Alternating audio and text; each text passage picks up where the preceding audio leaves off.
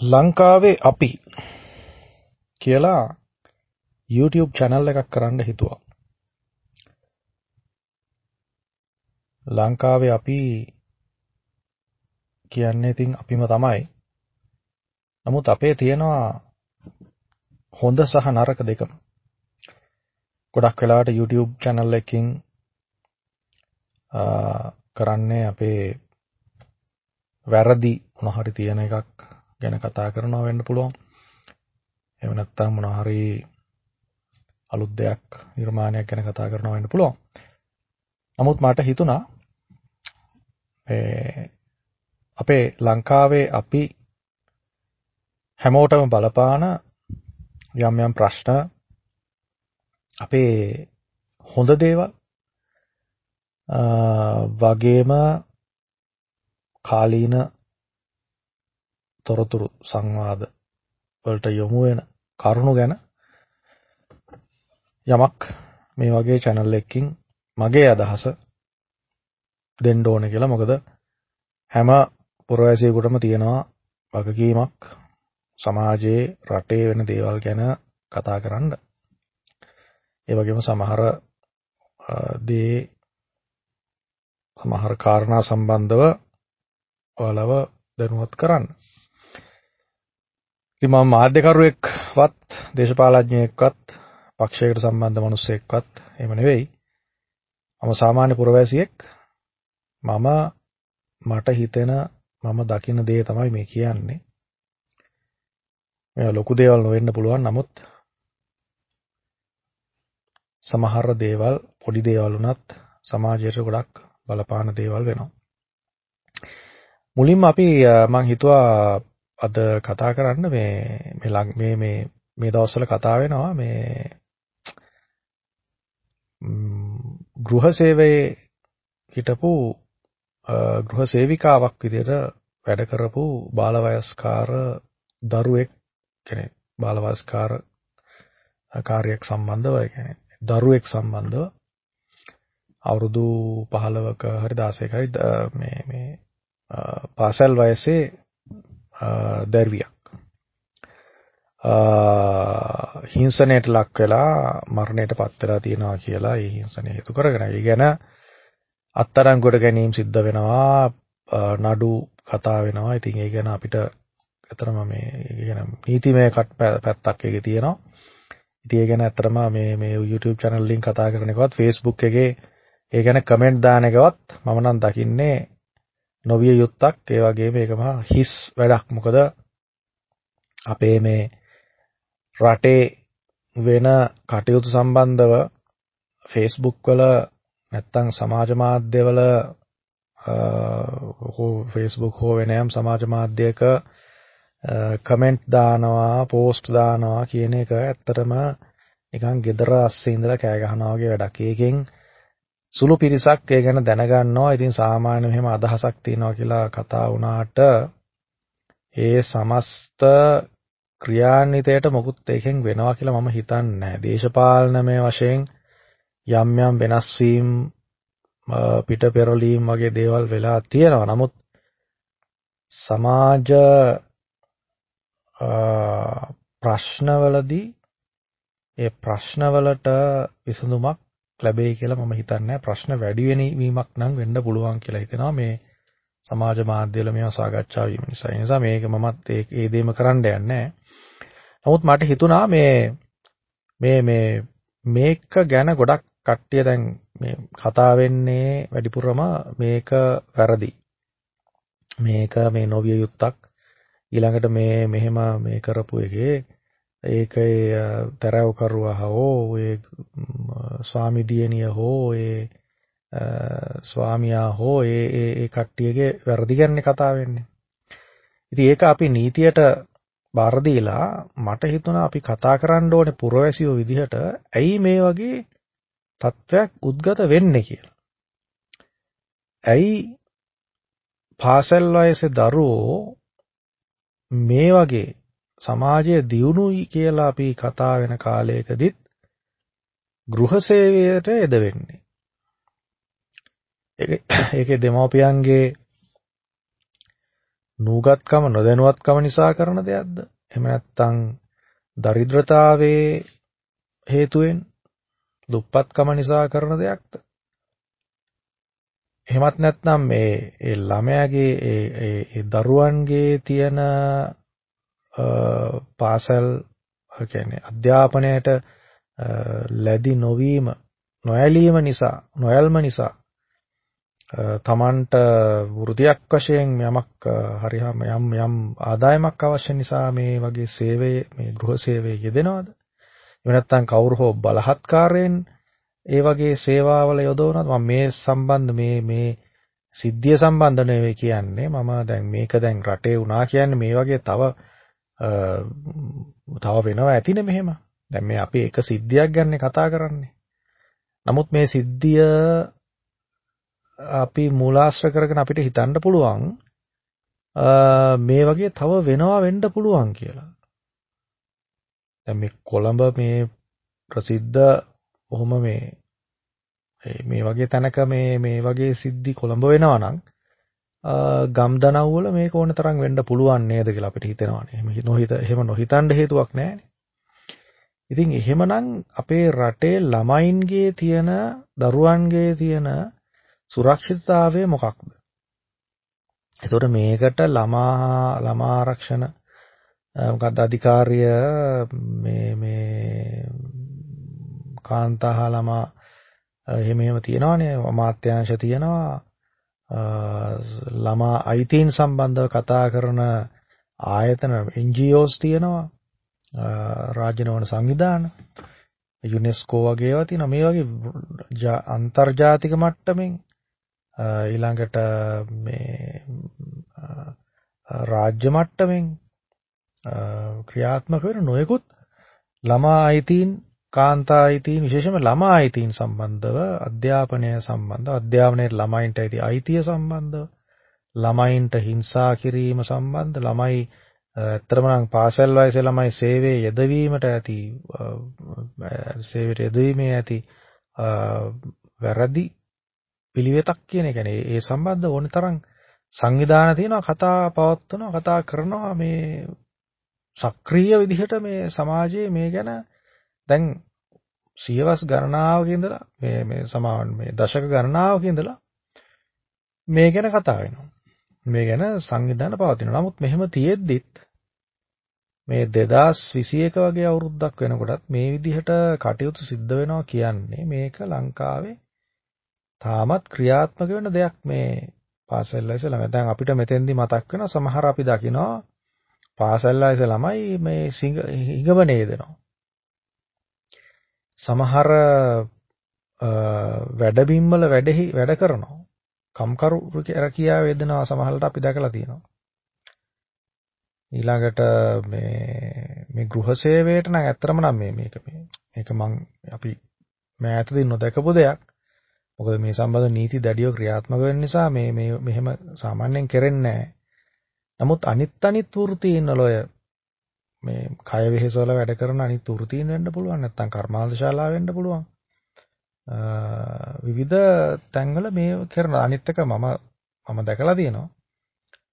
ඔය ඇගලුම් ක්ෂේත්‍රයේ වුණත් දැන් ටික කාලයකට කලින් මම මම දන්න සමහර ඒ මම ඔය අපි මම දැකලා තියෙනවා ඒ සාමාන්‍ය පෙළ සමත් සාමාන්‍ය පෙළ විභාගයට පෙනී හිටපු ළමයි ඊළඟ මේ ඊළඟ සැරයක් කරන්න මේකේ උසස් පෙළ ලියන්න එහෙම ඉදිරිපත් වෙන්නේ නැතුව එක හෙලාව ඒ කට්ටිය දෙමාපියන්ටත් බලපෑම් කරලා ඇඟලුම් කර්මාන්ත ශාලාවල වැඩට යනවා. ඒ හොඳට පඩි දෙනවා ඒ කට්ටියට. පාසුකම් දෙනවා. ඉතින් ආයෙ ඉගෙන ගන්න හිතන්නේ නැහැ. සමහර ඉගෙන ගන්න පුළුවන් ළමයිත් මම අපි අපි මම දන්න සමහර සිද්ධි තියෙනවා. එහෙම වැරට ගිහින් දැන් මේක අපි අවුරුදු 16ක ළමයෙක් කරගෙන මේ අයිසොලේ මේ මේ මේ මේ තනි සිද්ධියක් විදිහට අපි කතා කරාට ඉතින් සාමාන්‍ය පෙළ ලියලා ලියපු ළමයි කියන්නේ මේ ජීවිතය ගැන වගකීමක් වරපතලක් දන්න ළමයි නෙවෙයිනේ. ඒතොර ඒ ළමයින්ට තීරණයක් අරගෙන උසස් පෙළ ලියන්නේ නැතුව සුසුසුකම් ලබලත් ලියන්නේ නැතුව රැකියාවට යන්න පුළුවන් කියන්නේ ඒ ළමයා ඊට පස්සේ එතනින් එහාට ඉගෙන ගන්නෙත් නැහැ. ඒ ළමයා වෙන වෙන වෙන ඉතින් එතන ගිහිල්ලා ඒ වැඩ කරලා ඊට පස්සේ ජීවිතේ වෙනත් අන්තයකට යොමු කරගන්නවා. අපි ගොඩක් දැකලා තියෙනවා. ඉතින් අපි ඒ ගැනත් කතා කරන්න ඕන.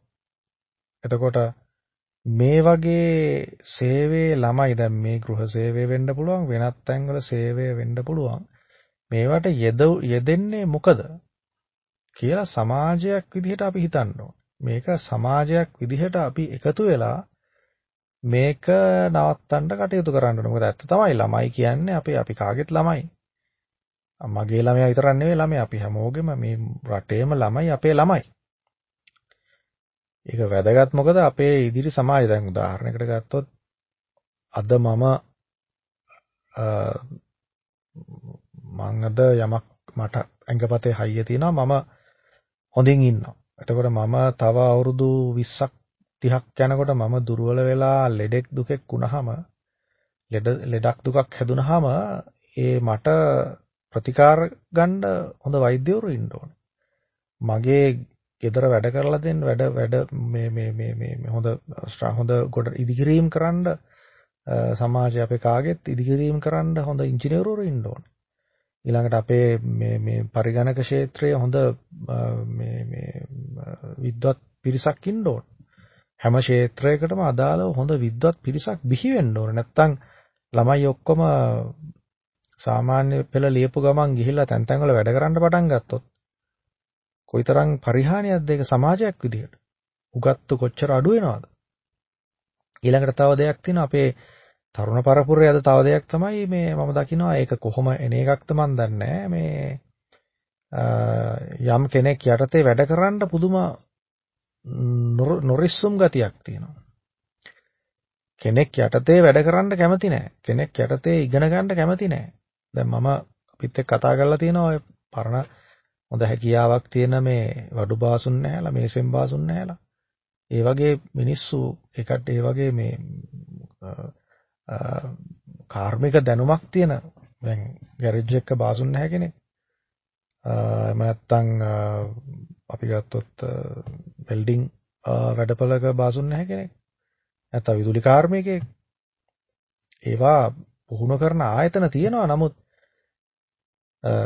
කොච්චර තියරි කියලා දුන්නත් ප්‍රායෝගිකව ඒ වගේ වැඩ කරන තැනක වැඩ කරලා යම් කෙනෙක් යටතේ ඉගෙන ගන්න ප්‍රායෝගික දැනුම අනිත් එක අර පරණ බාසුන් නැහැ කෙනෙක්ගෙන් මේසෙන් බාස් කෙනෙක් වෙන්න පුළුවන් කවුරු හෝ ඒ තියෙන අත්දැකීම් සමුදාය ගෝලයක් වශයෙන් ලබා ගන්න මට්ටම අර මේ තියරි ඉගෙනගෙන ගන්න බෑ. නමුත් ඒ කට්ටිය කියන එකක් තමයි ලේසියෙන් දැන් කැමති නැල්ලු මේ ගෝලයක් විදිහට Taman යටතේ වැඩ කරන්න තරුණ පිරිස. කොහේ හරි ගිහිල්ලා පොඩි එක්කෝ ත්‍රී වීල් එකක් එලවන්න එහෙම නැත්නම් ඔය ඇඟලුම් කර්මාන්තශාලාවක වැඩට ගිහිල්ලා ඇඟලුම් කර්මාන්තශාලාවේ වැඩ කරන එක කට්ටිය කරන්න ඕනේ තමයි. නමුත් ඒකට කලින් තමන්ගේ අධ්‍යාපන කටයුතු ඉවර කරගෙන ඉන්න ඕනේ. යම් පුහුණුවක් නිසි පුහුණුවක් යම් ක්ෂේත්‍රයක ලබාගෙන ඉන්න ඕනේ. ඉතින් අද ගොඩක් අපි දකිනවා අපි සමාජයේ අපි දකිනවා යම් වැඩකට යම් කාර්මික වැඩකට බාසුන් නැහැ කෙනෙක් ගෙන්න ගත්තොත් තරුණයෙක් එහෙම ආවොත් අපි බොහෝ විට ඒක හරියට කරන්න දන්නේ නැහැ. යන්තම් එහෙම් මෙහෙම් කරලා මොනවා හරි අලවලා තියලා යන්න තමයි දන්නේ. මොකද එයාලා ඉගෙන ගන්න නැහැ හරියට. ඉගෙන ගන්න කැමති නැහැ. එකපාරටම බාසුන් නැහැ වෙන්න බලන එකපාරටම හෙඩ් බාස් වෙන්න බලනවා. ඉතින් අධ්‍යාපනය කියන එක සමස්තයක් වශයෙන්. එතකොට අධ්‍යාපනයක අපි මේ ශිෂ්‍යත්වයවත් ඕ ලෙවල්වත් ඒ ලෙවල්වත් ප්‍රතිඵල හින්දා ගැන නෙවෙයි අපි හිතන්න ඕනේ. අධ්‍යාපනය කිව්වම මේ කාර්මික අධ්‍යාපනය. පාසල් අධ්‍යාපනය කාර්මික අධ්‍යාපනය. ඒ දෙකේම බිඳ වැටීමක් අපි දකිනවා. මොකද බොහෝ දෙනෙක් මේ ලේසියෙන් කරන්න පුළුවන් රස්සාවල් පොඩි පොඩි කෙටි කාලීන රස්සාවල් නිකන් ඒක අර මේ මේ මේ මොකද්ද කියන්නේ මේ සෝඩා බෝතල් වගේ ඒවා. ත්‍රී වීල් එකක් අරගෙන ජීවිතේ පටන් ගන්න මිනිස්සයා ඉදිරියට යන්න ඕන. නමුත් අද වෙන්නේ මොකද? ත්‍රී වීල් එකක් අරගෙන පටන් ගන්න මිනිස්සයා ඊට පස්සේ ඒකට හරියන්න වියදම් ටිකක් හදාගෙන බොහොම ෂෝක් එකකට ඉන්නවා. ඒ මිනිස්සයා ටික දවසයි මේ මිනිස්සයාගේ දියුණුවක් දකින්න හම්බෙන්නේ නැහැ. හැමදාම ත්‍රිවිල කෙලවන එක කරන්නේ. වැඩි දෙනෙක්. තාම අතලොස්සක් තමයි දිනු වෙන්නේ. ඉතින් ඒ ඒ ඒ ඒක වෙන්නේ මොකද? ජීවිතය ගැන බරපතලක් ඇඟට ගන්න කැමති නැති සමාජයක් බිහි වෙලා තියෙනවා. දැන් මේක හේතු වෙන්න බැරිද ඔය කලින් තැන් තැන් වල අඩු වයසෙන් ගිහිල්ලා වැඩ කරන එකට. එතකොට ඒකට දෙමව්පියන්ටවත් වැඩේ යොදවන කෙනාටවත් ඒ ඒ ඒ කට්ටියට අපි දොස්කේ කියා ඉන්නා වෙනුවට ඒක ඒක නීතියට බාර දීලා අපි බලන්න ඕනේ. අපි කියන්නේ අපි කාගෙත් ළමයි ඉන්නවනේ. ඒතට අපිත් වැඩි හිටියෝ විදිහට අපි බලන්න ඕනේ පොඩි කාලේ ඉඳලාම මේ අපේ ළමයින්ගේ යමක් හරියට ඉගෙන ගන්න අධ්‍යාපනය හරියට ලබා ගන්න පාසල් හෝ කාර්මික වෙන්න පුළුවන්. හරියට ලබාගෙන හරි දෙයක් හරි තැනට හරි විදිහට කරන්න යොමු කරන්න ඕනේ පොඩි කාලේ ඉඳලා. එහෙම නැති වුණොත් අර වගේ පිරිසක් තමයි දිගින් දිගටම දිගින් දිනව අපිට සමාජෙ බිහි වෙන්නේ. ඉතින් ඒක දීර්ඝකාලීනව මුළු සමාජයේම පසුබෑමකට හේතු වෙනවා. ඉතින් ඒක පටන් ගන්න ඕනේ කොහෙන්ද කියලා අපි හිතන්න ඕනේ. ඒක අනිවාර්යයෙන්ම එක රජයෙන් රාජ්‍ය මට්ටමේ රජයක් විදිහට ප්‍රතිපත්තිමය තීරණ ගන්න ඕනේ. කිසිම හේතුවකට කිසිම ආයතනයකට දැඩි නීති දාලා දැඩි දඬුවම් මේක කඩන කට්ටියට ඉදිරිපත් කළා මේ අඩු වයසෙන් ඒ කියන්නේ උසස් පෙළ ලියනකල් එහෙම නැත්නම් සාමාන්‍ය පෙළ අසමත් නම් කාර්මික විද්‍යාලයකට දාලා ඒකේ යම් අධ්‍යාපනයක් හොඳ මට්ටමකට එනකල්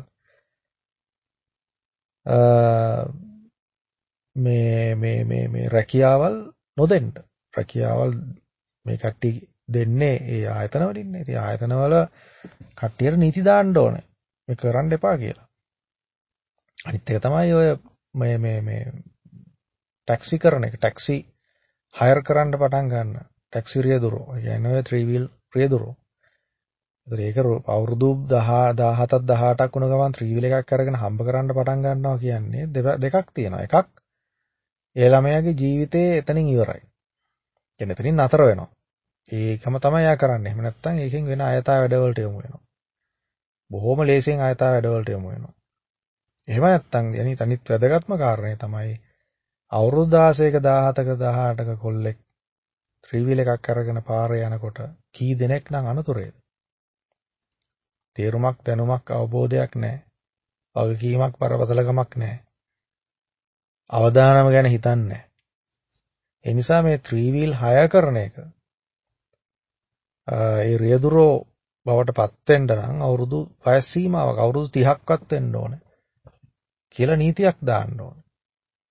ඉතින් එහෙම නැතුව තිබ්බහම වෙන්නේ ත්‍රිවිල් එක අරගෙන අර මිනිස්සයා ඒ මිනිස්සයාගේ වටිනාම ජීවිතයේ අවුරුදු ගාන ත්‍රිවිල් එක ඇතුලේ ගත කරනවා දිනු වෙනවා නම් හොඳයි. නමුත් ගොඩක් වෙලාවට මේ ළමයි අපි දකිනවා ඒ හම්බෙන හොඳට සල්ලි හම්බෙනවා. ඒ හම්බෙන එක හේම ජොලි කරන්න වියදම් කරනවා. ඉතින් එතකොට වෙන්නේ තමන්ගේ ජීවිතේ ටික ටික අඳුරට යන්නේ.